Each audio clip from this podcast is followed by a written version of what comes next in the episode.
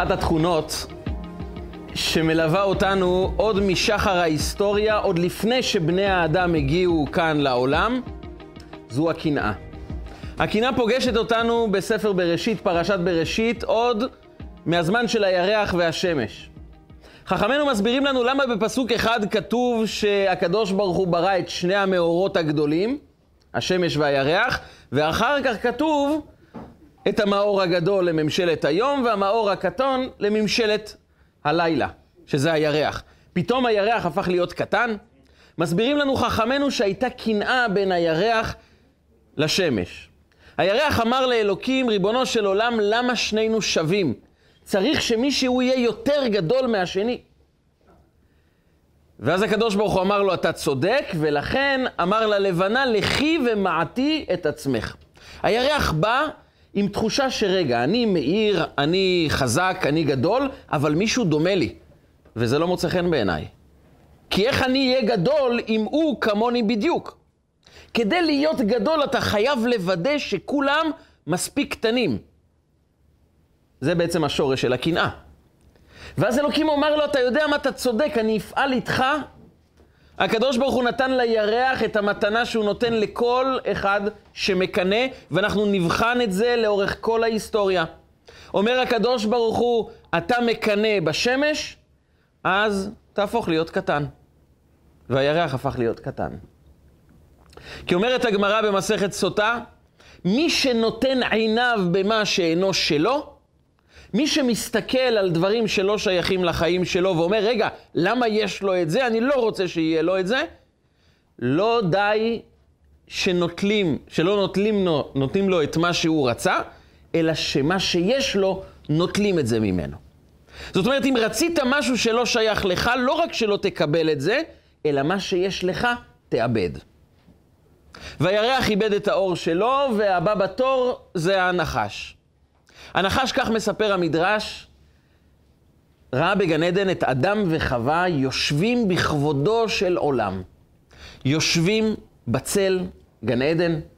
מלאכי השרת, כך אומר המדרש, צולין להם בשר ומסננין להם יין ומגישים לפניהם. הנחש מסתכל עליהם, אומר, תראה, זה נשוי לחווה, יושב ככה בכבודו של עולם בצל, נותנים לו אוכל, כל מעדני עולם, נהנה מהחיים, שותה יין. לי לא מתאים שהוא ייהנה כל כך הרבה. והוא התחיל לחשוב לעצמו איך אני מארגן עכשיו את המוות של אדם הראשון. הוא אומר, אני אהרוג את אדם הראשון, יתחתן עם חווה, יאכל כל מעדני עולם, וילך, אני אלך בקומה זקופה כמלך העולם. הוא אמר, אני רוצה ללכת בגאווה, אני רוצה לקחת את חווה לאישה ואני רוצה לאכול מעדנים. מה הייתה התוצאה? זה העונש שקיבל נחש, שהקדוש ברוך הוא אמר לו, על גחונך תלך.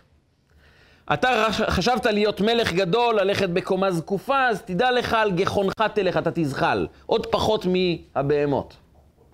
רצית לאכול מעדנים ועפר תאכל כל ימי חייך, רצית להתחתן עם חווה, ואיבה אשית בינך ובין האישה. הוא קיבל בדיוק את מה שהוא רצה, ההפך. כי הקדוש ברוך הוא אומר, הקנאה זה דרך שאדם הולך בה, ולא רק לא מקבל את מה שהוא רוצה, לוקחים ממנו את מה שכבר היה לו. וממשיכים לקנא. קין מקנא בהבל. והוא רואה את אבל מקריב קורבן לקדוש ברוך הוא, והקדוש ברוך הוא מקבל את הקורבן של אבל, ואת המנחה של קין הקדוש ברוך הוא לא מקבל, וקין אומר לעצמו, לא ייתכן שאח שלי מצליח יותר ממני. אז הוא פותר את הבעיה בצורה הכי מהירה, הורג את אבל. והקדוש ברוך הוא בא ואומר לו משפט מאוד מעניין. קין, על מה כעסת? על מה אתה כועס כל כך? אחיך הצליח. אחיך הקריב מנחה טובה ואתה יודע שהוא נתן מהדברים הטובים שלו. אתה נתת מהדברים הפחותים. אז קיבלתי את המנחה שלו, את הקורבן שלו. הלא אם תיטיב שאת. הרי זה תלוי בך, אם אתה תיטיב, אז תוכל לשאת כל דבר בחיים, אתה תוכל להתקדם, ואם לא תיטיב, לפתח אתה תרובץ. קין קינא באבל והלך להרוג אותו. ואז הוא קיבל את העונש של אות קין, הוא היה נע ונד בכל מקום בעולם, הוא נהרג בסופו של דבר.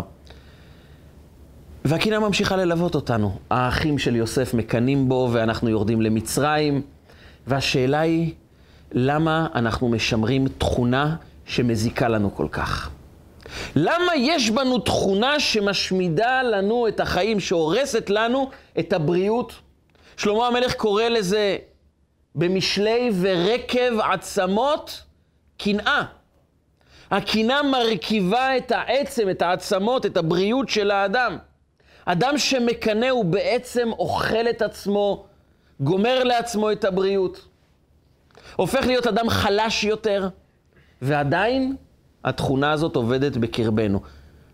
אז מילא אם יש משהו מבחוץ שמזיק לנו, אנחנו רוצים להילחם נגד הדברים שמזיקים לנו, לא תמיד אנחנו יכולים. אבל מתוכנו, שאנחנו נקנא, אנחנו באים והורסים לנו, לעצמנו את החיים.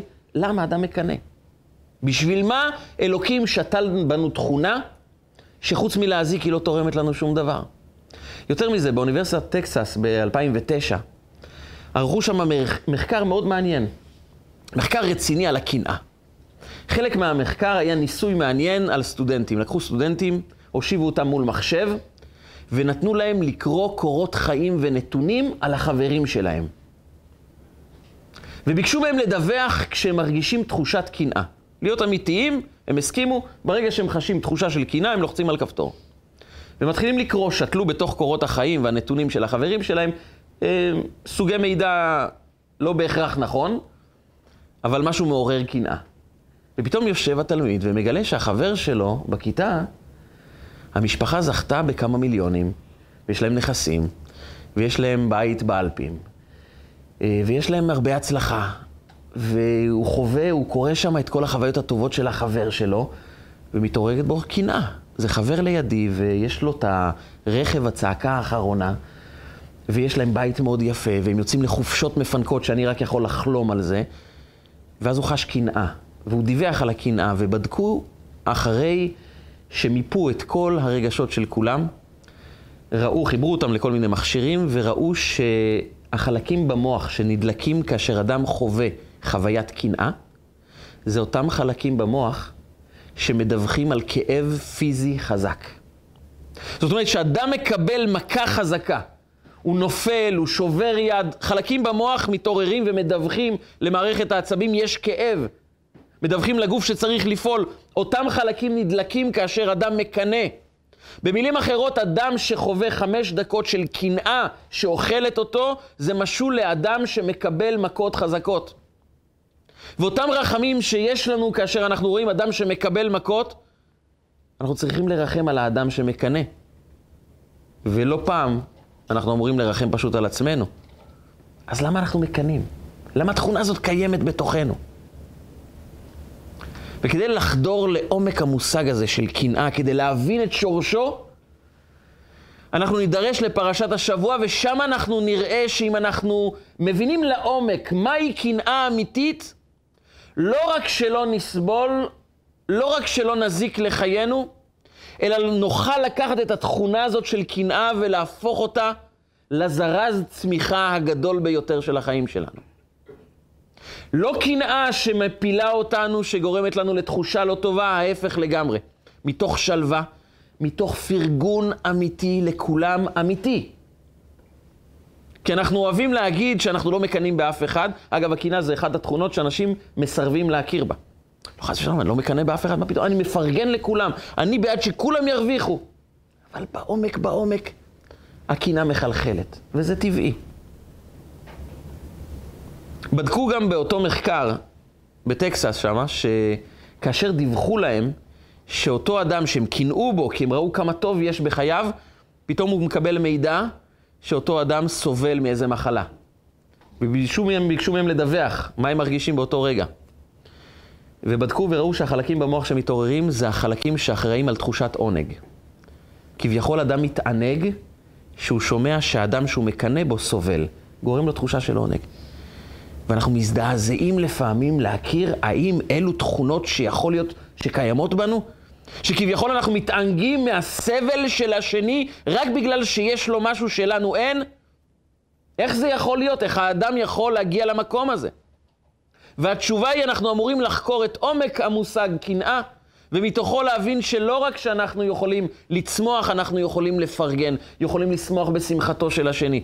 יכולים להיות מלאי אהבה לכולם, וביחד עם זה מקנאים וגם צומחים.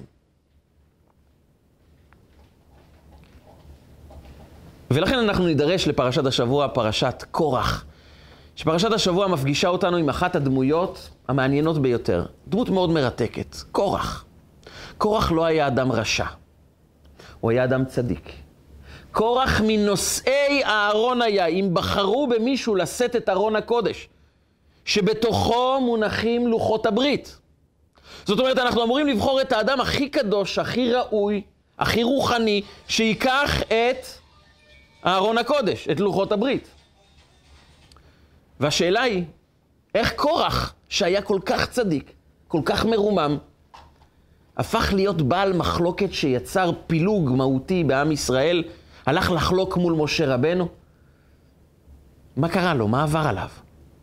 באים חכמינו ואומרים לנו ששוב אותה תכונה הכתה גם בקורח. קורח היה אדם חכם, קורח היה אדם צדיק, קורח היה אדם רוחני, אבל קורח היה גם בן אדם אנושי שמקנא. והקנאה הרסה אותו. על מה הוא קינא? יש לו מעמד גבוה יותר מרוב בני ישראל. הוא מנושאי הארון, הוא משבט לוי, הוא נושא את הארון. בתוך שבט לוי הוא מהמשפחה המובחרת. הוא לא סוחב קרשים, הוא לוקח את ארון הקודש. כשכולם מביטים על הכלי החשוב ביותר, הקדוש ביותר, הם רואים את קורח צמוד לארון הקודש, אבל מפריע לו משהו אחד. הוא אומר, רגע, האחים של אבא שלי היו ארבעה. היה את עמרם, יצהר, חברון ועוזיאל. עמרם זה אבא של משה ואהרון, משה הפך למלך, אהרון כהן גדול. יפה, סידרו את המשפחה שלהם מצוין. התפקיד הבא, מי אמור לקבל? זהו, הבנים של עמרם מסודרים. הבן הבא, אחרי עמרם, זה יצהר, זה אבא שלי, קורח בן יצהר. הוא אומר, כנראה שיפגישו את התפקיד הבא, שהתקן יאושר, אני מקבל את התפקיד הבא. ואז הגיע התקן הבא, נשיא שבט לוי. ומשה רבנו ממנה את אליצפן בן עוזיאל, האח הקטן מתוך ארבעת האחים. זה קורח כבר לא יכל.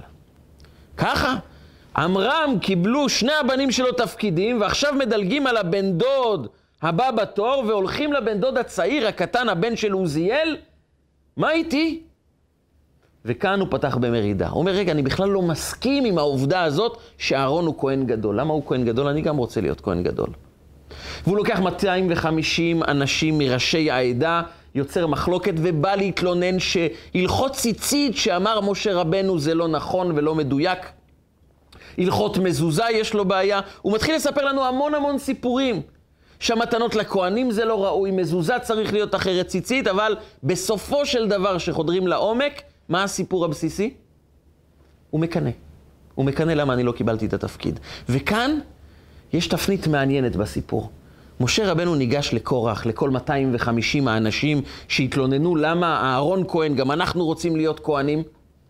אומר להם משה רבנו, תראו, בעבודה זרה, אצל עובדי האלילים, יש להם המון כמרים בעבודה זרה, המון המון כמרים. אנחנו עם אחד שיש לו אלוקים אחד, תורה אחת, מזבח אחד וכהן גדול אחד. ואתם רוצים להיות כהנים גדולים? ואז הוא מוסיף משפט אחד נוסף. את האמת, גם אני רוצה. אתם לא לבד. גם אני מסתכל על אהרון ואומר, הייתי גם רוצה להיות כהן גדול. אבל תבינו, יש אלוקים אחד, ארון הקודש אחד, כהן גדול אחד, מזבח אחד, אין מה לעשות. אז תפזרו את ההפגנה. אם הוא היה אומר להם, רבותיי, יש תפקיד אחד של כהן גדול, מזבח אחד, אלוקים אחד, בית מקדש אחד, היה מספיק. למה הוא הוסיף להם את המשפט, גם אני רוצה בכך? יכולנו לומר, טוב, משה רבנו גם דיפלומט, הוא אומר להם משפט שירגיע את כולם, אומר להם, אני איתכם, אני מרגיש אתכם, חווה אתכם. אבל משה רבנו הוא אדם אמיתי. משה אמת ותורתו אמת. כשהוא אומר להם, גם אני רוצה בכך, הוא מגלה להם פנינה אמיתית שקיימת בתוכו, גם אני רוצה להיות כהן גדול. למה אתה רוצה להיות כהן גדול, משה רבנו? סתם? לא מספיק להיות מלך? למה? אז להרגיע אותם, זאת אומרת, הוא אומר להם משפט שהוא לא באמת מאמין בזה. אבל משה רבנו לא מוציא מילה אחת מפיו שהיא לא אמת. אגב, זו התכונה המרכזית של משה רבנו. הוא לא כמו אהרון הכהן. אהרון הכהן קצת לפעמים משנה. כשיש שני אנשים רבים, הוא בא לאחד, אומר לו, אתה יודע, החבר שלך מתחרט על המריבה. זה לא ממש אמיתי, אבל הוא אומר לו. כי הוא מאמין בזה שבתוכו הוא כן מתחרט. הולך לשני ואומר לו, אתה יודע, חברך מתחרט על המריבה איתך. שניהם נרגעים, וכשהם נפגשים הם משלימים ביחד. למה משה רבנו לא עושה את זה? משה רבנו יש לו תכונה אחת שהוא נאמן אליה עד הסוף. אמת ורק אמת. צריך לפעמים את סגנון האנשים של אהרון הכהן, אבל זה אהרון, זה לא משה. משה זה אמת. וכשמשה רבנו אומר, גם אני רוצה בכך, הוא אומר אמת, הוא אומר להם, תקשיבו, אני איתכם, אני גם, גם רוצה להיות כהן גדול. השאלה היא למה? מה לא מספיק לך להיות מלך? אתה מדבר ישירות עם הקדוש ברוך הוא. קיבלת תורה מן השמיים. באמת בכנות, זה לא קצת מוגזם לרצות להיות גם כהן? מה אתה רוצה להיות, הכל? אבל משה רבנו נותן להם את המפתח למידת הקנאה. הוא אומר להם, אתם מקנאים, אבל משהו פה לא מסודר. ואם תבינו שגם אני רוצה להיות כהן גדול, אתם תבינו שהקנאה לא אמורה לפלג את העם. הקנאה לא אמורה ליצור מחלוקות ומריבות שהסתיימו בטרגדיה של האדמה פצתה את פיה ובלעה את כולם, ו-250 אנשים נשרפו. היא יכולה להיות תכונה שבונה עם, שיוצרת מאיתנו אנשים חזקים, מושלמים, טובים וחזקים. והשאלה היא, מהו המפתח שנתן להם משה רבנו באותו הרגע? המפתח נעוץ בשאלה אחת פשוטה. מה זה נקרא להיות אדם טוב? איך אני יודע אם אני אדם טוב?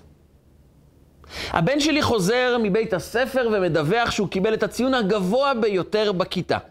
לא רק בכיתה, בבית הספר. איך הוא התקבל בידי ההורים שלו?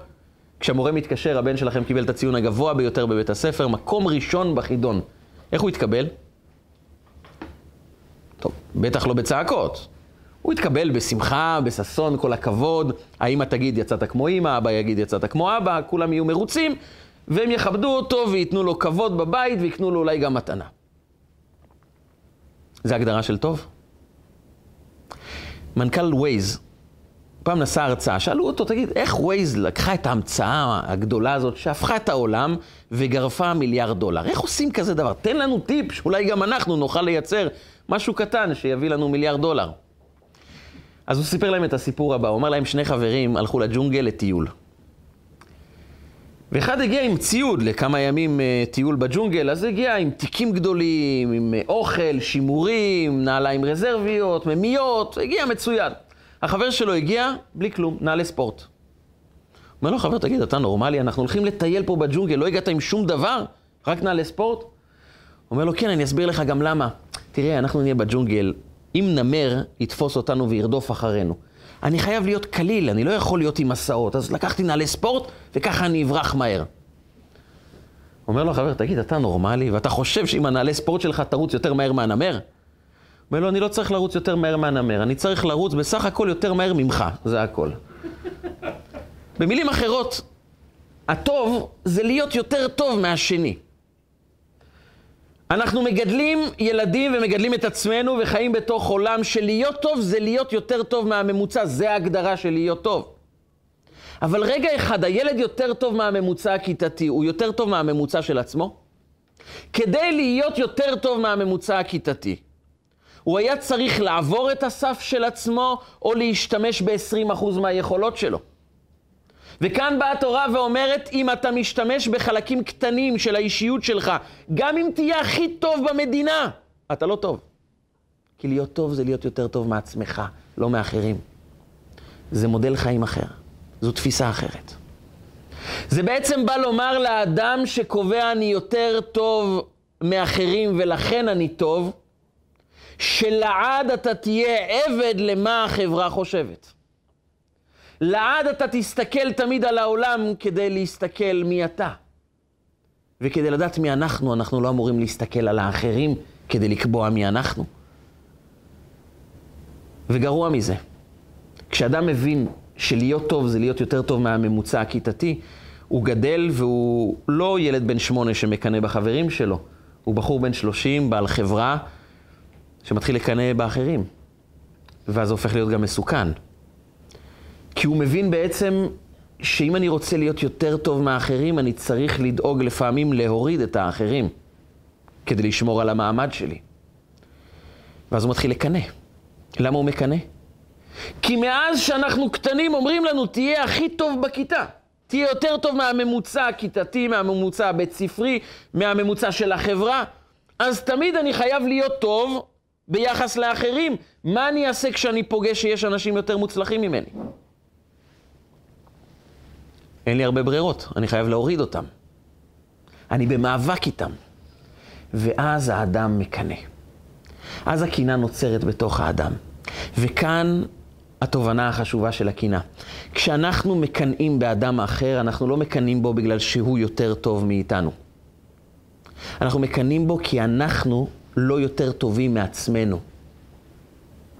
כי אנחנו מזהים תחושה של חסר שאני לא מספיק טוב במקום שלי. השני הוא תזכורת עבורי ללמוד להיות יותר טוב ממה שאני עכשיו. במילים אחרות, הקינה מתעוררת רק אצל האדם שלא עסוק בהתפתחות אישית, שלא עסוק בהתקדמות, שלא עסוק בצמיחה, ועסוק רק בלבדוק שהוא יותר טוב מאחרים. אבל כשאנחנו עסוקים בלבדוק מה קורה אצל האחרים, אנחנו לא עסוקים בדבר הכי חשוב של החיים. בלבדוק האם אני שובר את תקרת הזכוכית של עצמי, האם אני מתקדם, האם אני צומח. כי המיקוד נמצא בחוץ. וכאן בא משה רבנו ל-250 האנשים ואומר להם, אתם יודעים, הקנאה זו תזכורת. תזכורת שלא מספיק עבדנו עם עצמנו. ואני מסתכל על אהרון, ואני מנסה לבחון מה באישיות שלו כל כך מיוחד. מה שובה את ליבי בעבודה שלו? ואני מסתכל על אהרון ואומר, אהרון דבק בריבונו של עולם. יש בו קדושה מיוחדת. יש בו הילה של קדושה מיוחדת שמקרבת אותו לריבונו של עולם, שגם אני הייתי רוצה את סוג הקשר הזה. אבל מה זה מזכיר לי? זה מזכיר לי שבתור משה רבנו, אני יכול יותר. גם לי יש את מסלול חיי. במסלול חיי אני יכול להתקדם הרבה יותר. אהרון מזכיר לי את זה. אני מפרגן לאהרון כי מעולם אני לא מתמקד במה קורה אצל האחרים. אני לא מתמקד בלנסות להיות מישהו אחר. אני לא מנסה לקחת תפקידים של אנשים אחרים. מישהו פעם אמר לי משפט מעניין, הוא אמר לי, תנסה להיות מי שאתה, כל השאר תפוס. אנחנו מנסים להיות כל כך הרבה אנשים אחרים, ושוכחים את הדבר החשוב ביותר, פשוט להיות מי שאנחנו. אמר רבי זושה מהניפולי, היה אחד מגדולי החסידות, מגדולי התלמידים של המגיד ממזריץ', תלמידו של הבעל שם טוב. הוא אומר לתלמידים שלו, תדעו לכם, כשמשיח יבוא הוא ישים אותי על כף היד. והוא לא ישאל אותי, זושה, למה לא היית משה רבנו? למה לא היית אהרון הכהן? הוא ישאל אותי, זושה, למה לא היית זושה? למה לא היית מי שאתה?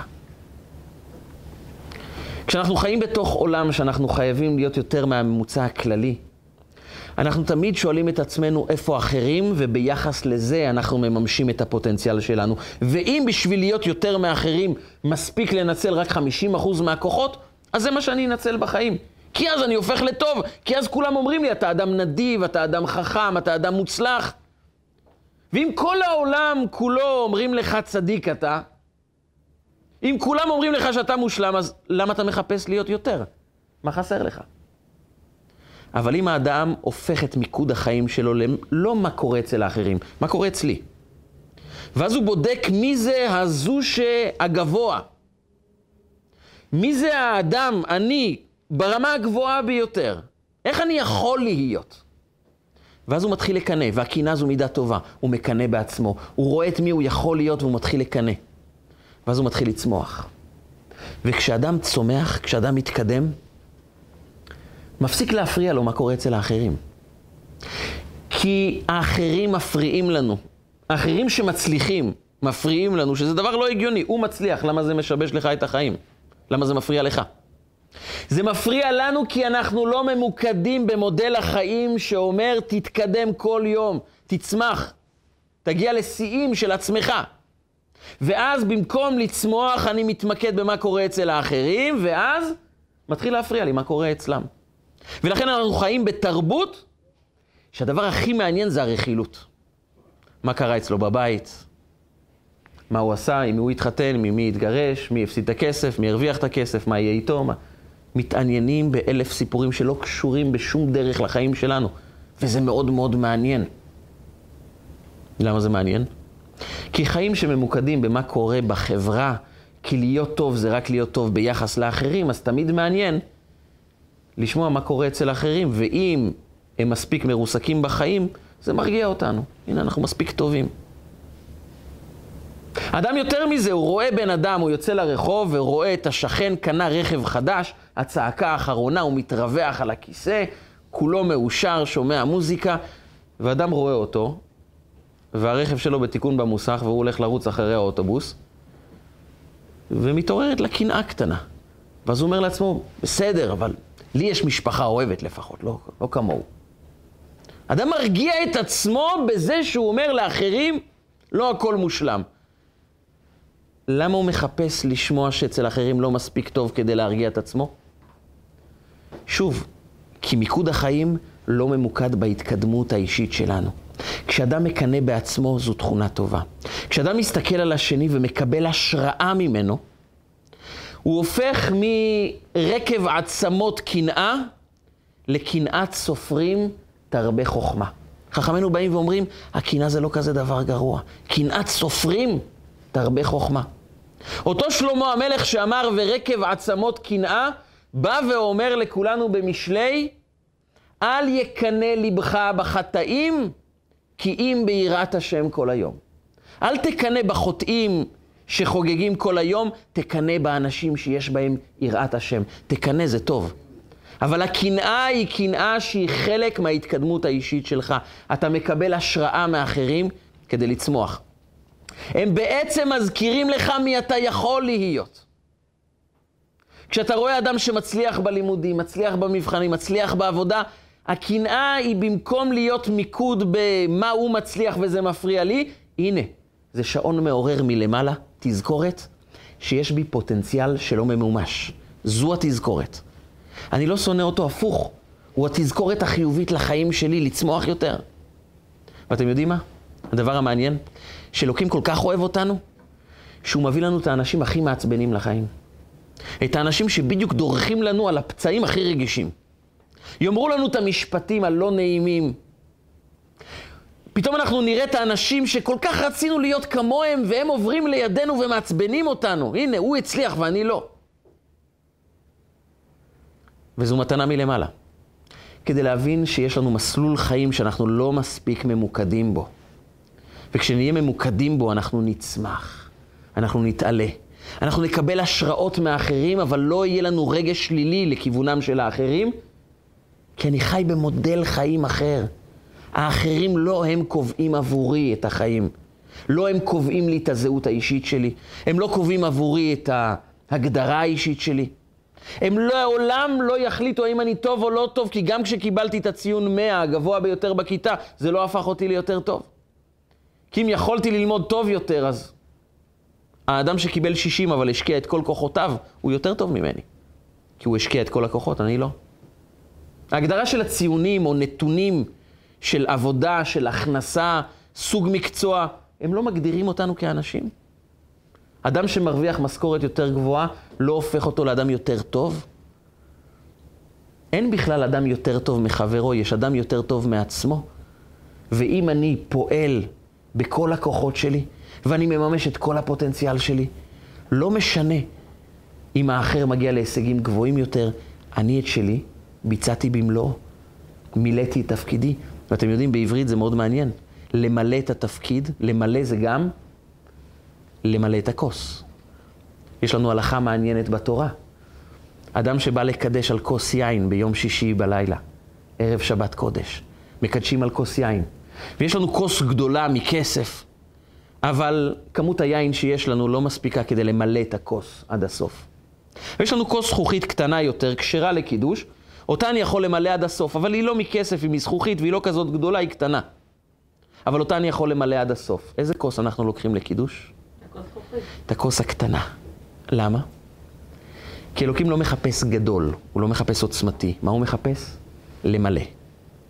למלא תפקיד זה פונקציה של יכולת לממש את כל הכוחות שלי, לא משנה אם זה קטן ביחס לאחרים. אני מילאתי את שלי, ואדם המלא הוא כוס של ברכה. הוא כלי לברכה. ויותר מזה, גם לא יפריע לו שיש כוס מכסף גדולה יותר ממנו. זה לא יפריע לו, כי הוא מלא. נפש ריקנית מקנאה בשכן או בשכנה. כי היא ריקנית, היא מחפשת להתמלא.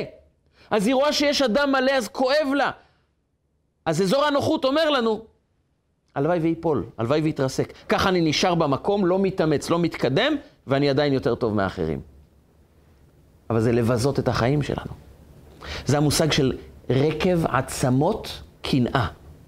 יש פירוש שאומר שכשאדם מקנא, הוא מרכיב את העצמיות שלו. העצמיות שלו נרכבת.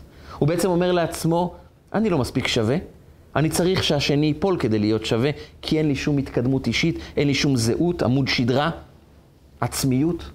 הוא מרכיב בעצם את העצמיות שלו. אבל הקנאה הטובה זה קנאה שאומרת, או, oh, תזכורת להתקדמות. וזה היה רבי עקיבא. אשתו של רבי עקיבא, הסיפור הוא מאוד מפורסם, רחל, בתו של כלבה השבוע, בתו של העשיר הגדול ביותר בירושלים. היא יכלה לקבל כל חתן שהיא רק הייתה מבקשת. הציעו לה חכמים, עשירים, בנים של אנשים מכובדים, כולם היא אמרה לא, היא רוצה להתחתן עם מי? עם רועה צאן בשם עקיבא, שלא יודע לא לקרוא ולא לכתוב. עכשיו, בעם היהודי, במיוחד באותה תקופה, לא ללמוד, לא לדעת לקרוא ולכתוב, לא לדעת ללמוד תורה, זה הביזיון הכי גדול. כל ילד קטן קודם כל לומד. והיא בחרה להתחתן עם האישיות הכי בזויה בירושלים. למה היא בחרה בו?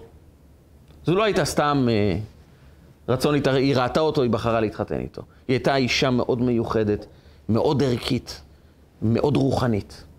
היא הסתכלה וראתה, עקיבא הזה הוא צנוע ומעלי.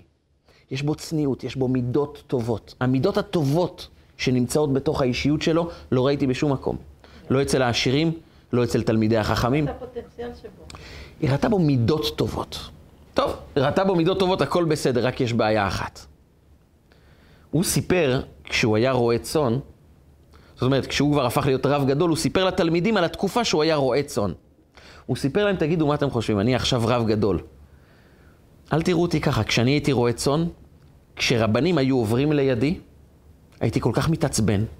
הייתי אומר את המשפט הבא, מי ייתן לי תלמיד חכם ואנשכנו כחמור? הלוואי והייתי יכול לאכול אותם, לנשוך אותם כמו חמור. כך הוא סיפר לתלמידים. תלמידים שאלו אותו, רבי, למה כמו חמור ולא כמו כלב? אגב, זה מעניין, זו השאלה שיש להם. למה אתה רוצה לנשוך כמו חמור ולא כמו כלב? הם הבינו שיש כאן ביטוי מיוחד, לנשוך כחמור. והם שאלו אותו, למה זה, זו ההגדרה של הצורה שבה רצית לנשוך את תלמידי החכמים?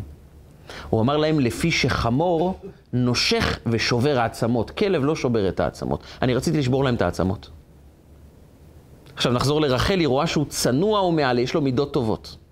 בסך הכל רוצה לשבור את העצמות של כמה רבנים, אבל חוץ מזה, הוא אדם מאוד טוב. איך זה מסתדר? איך זה הולך ביחד? זו שאלת התוספות. התוספות היו הנכדים של רש"י, גדול פרשני התורה שחי לפני 900 שנה. הם שאלו את השאלה הזאת. איך הוא צנוע ומעל למידות טובות, ובסך הכל רוצה לשבור את העצמות של הרבנים? איך זה מסתדר? יש על זה כמה וכמה תשובות, אבל תשובה אחת מובאת בספר מגיד מישרים, והוא עונה את התשובה הבאה. הוא ראה את התלמידי חכמים והוא קינא בהם. הוא אמר, אני רוצה לנשוך אותם כמו חמור ששובר את העצמות. כי אני מבין שצורת ההסתכלות שלי על החיים, יש בה משהו לא טוב. אני רואה שצורת החיים שלי יכולה להיות הרבה יותר טובה. היא כעת לא מבטאת את מי שאני באמת. הוא ראה את התלמידי חכמים וראה, אני בעצמי יכול להיות תלמיד חכם. אני בעצמי יכול להפוך להיות גדול בישראל, הוא רואה אותם והוא רואה את מי שהוא עדיין לא. וזה גמר אותו, זה שבר אותו. והוא ביקש לשבור את העצמות של עצמו. הוא ביקש לבנות לעצמו אישיות חדשה. הוא ראה בתלמידי חכמים לא אותם, הוא ראה את עצמו, כי אתם יודעים, הרבה פעמים שאנחנו כועסים על מישהו, אנחנו לא כועסים או מקנאים באדם שהוא שונה לגמרי מאיתנו. כן, לא תראו חשמלאי שמאוד מקנא בטייס. הוא לא חולם להיות טייס.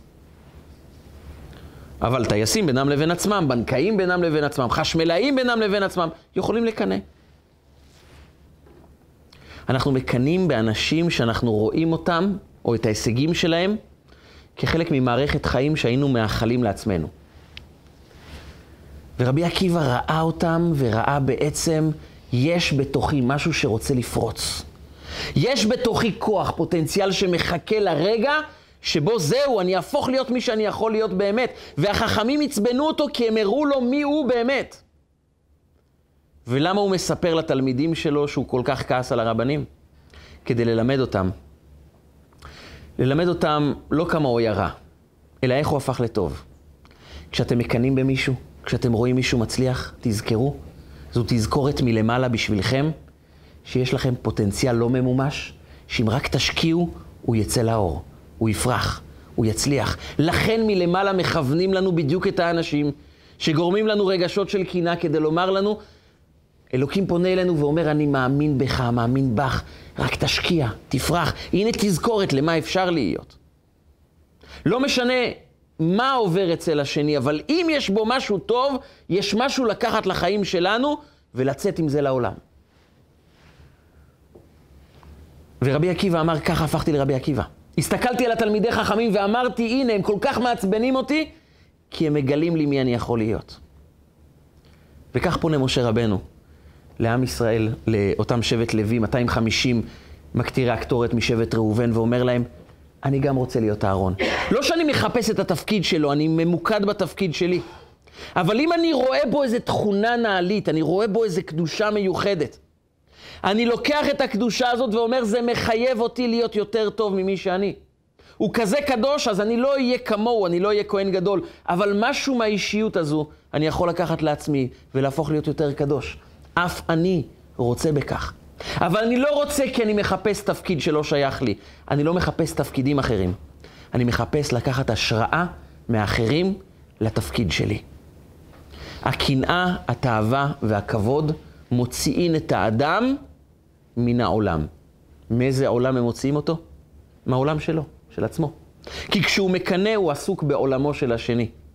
הוא חי בבית של השני, במקום לחיות בבית של עצמו. ובלעם, הנביא הגוי הרשע שרצה לקלל את ישראל, יצא לו ברכה מעניינת. מה טובו אוהליך יעקב, משכנותיך ישראל.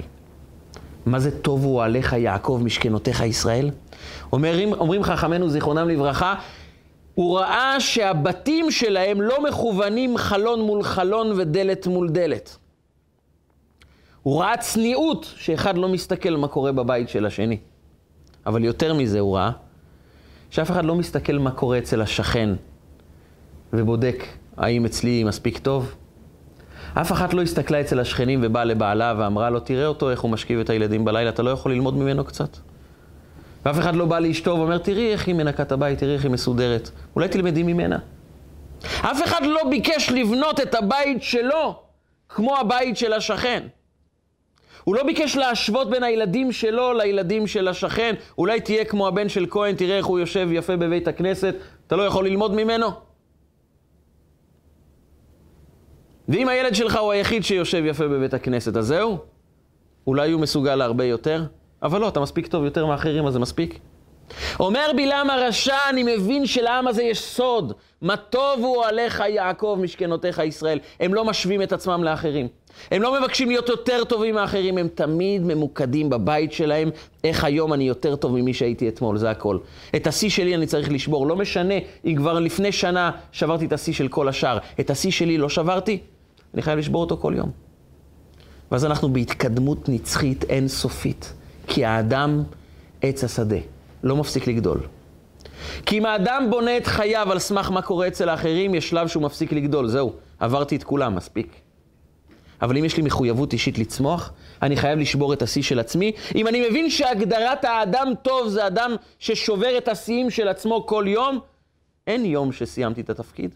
כל יום יש לו את התפקיד המיוחד שלו. ואם אדם מסתכל בצורה הזו, הקנאה של האחרים זו קנאת סופרים תרבה חוכמה. אני מבין שמכל אדם אני יכול לקבל השראה. מכל אדם אני יכול לקבל התעלות אישית לתפקיד האישי שלי. כשאדם מגדיר לעצמו את מודל החיים בצורה ברורה, אני נועדתי לשבור את השיאים של עצמי, להתקדם כל יום יותר ממה שהייתי אתמול. הוא מתחיל למלא את תפקידו, הוא מתחיל למלא את הכלי שלו. ואז לא מעניין אותו האם האחר יותר טוב ממנו, הוא לא עסוק בהשוואות, כי אדם עסוק בהשוואות לאחרים רק כשהוא מרגיש ריקן. כשהוא מלא, אין לו זמן ואין לו רצון, אין לו פניות נפשית בכלל להסתכל מה קורה אצל האחרים. ואז הוא מקבל השראה, ואז הוא הופך להיות יותר טוב. והאמת היא שלכן אנחנו חיים כולנו יחד. אין אדם שלא תוכל לקבל ממנו השראה למלא את התפקיד שלך יותר טוב. לכן אנחנו גם שונים, כי לכל אחד יש תפקיד אחר. כל אחד יש לו כישרון שונה, כדי שכל אחד מאיתנו יוכל להביט על כולנו ולומר, כמה אנשים טובים יש פה, כמה יש ללמוד מכל אדם. וזהו חכם הלומד מכל אדם. כי מכל אדם תוכל לקבל השראה, ובלבד שתהיה ממוקד בשליחות האישית שלך. ומשה רבנו מלמד אותם, הקנאה הרסה לנו את העולם, גרמה למלחמות, יצאנו מגן עדן וירדנו למצרים, רק בגלל שכל אחד ניסה להיות משהו אחר, הסתכל על השני במקום להסתכל על עצמו. אבל אם אנחנו נסתכל על עצמנו ונלמד מאחרים, נהפוך להיות הגרסה הכי טובה של עצמנו, וכל יום נוכל לשבור את השיא של אתמול. בשנת 1912 הגיע האדם שרץ והשיג את השיא העולמי בריצה ל-100 מטר. הוא השיג את התוצאה של 10 שניות נקודה 5. זה היה השיא בעולם. אף אחד לא הצליח לשבור את השיא הזה במשך עשרות שנים.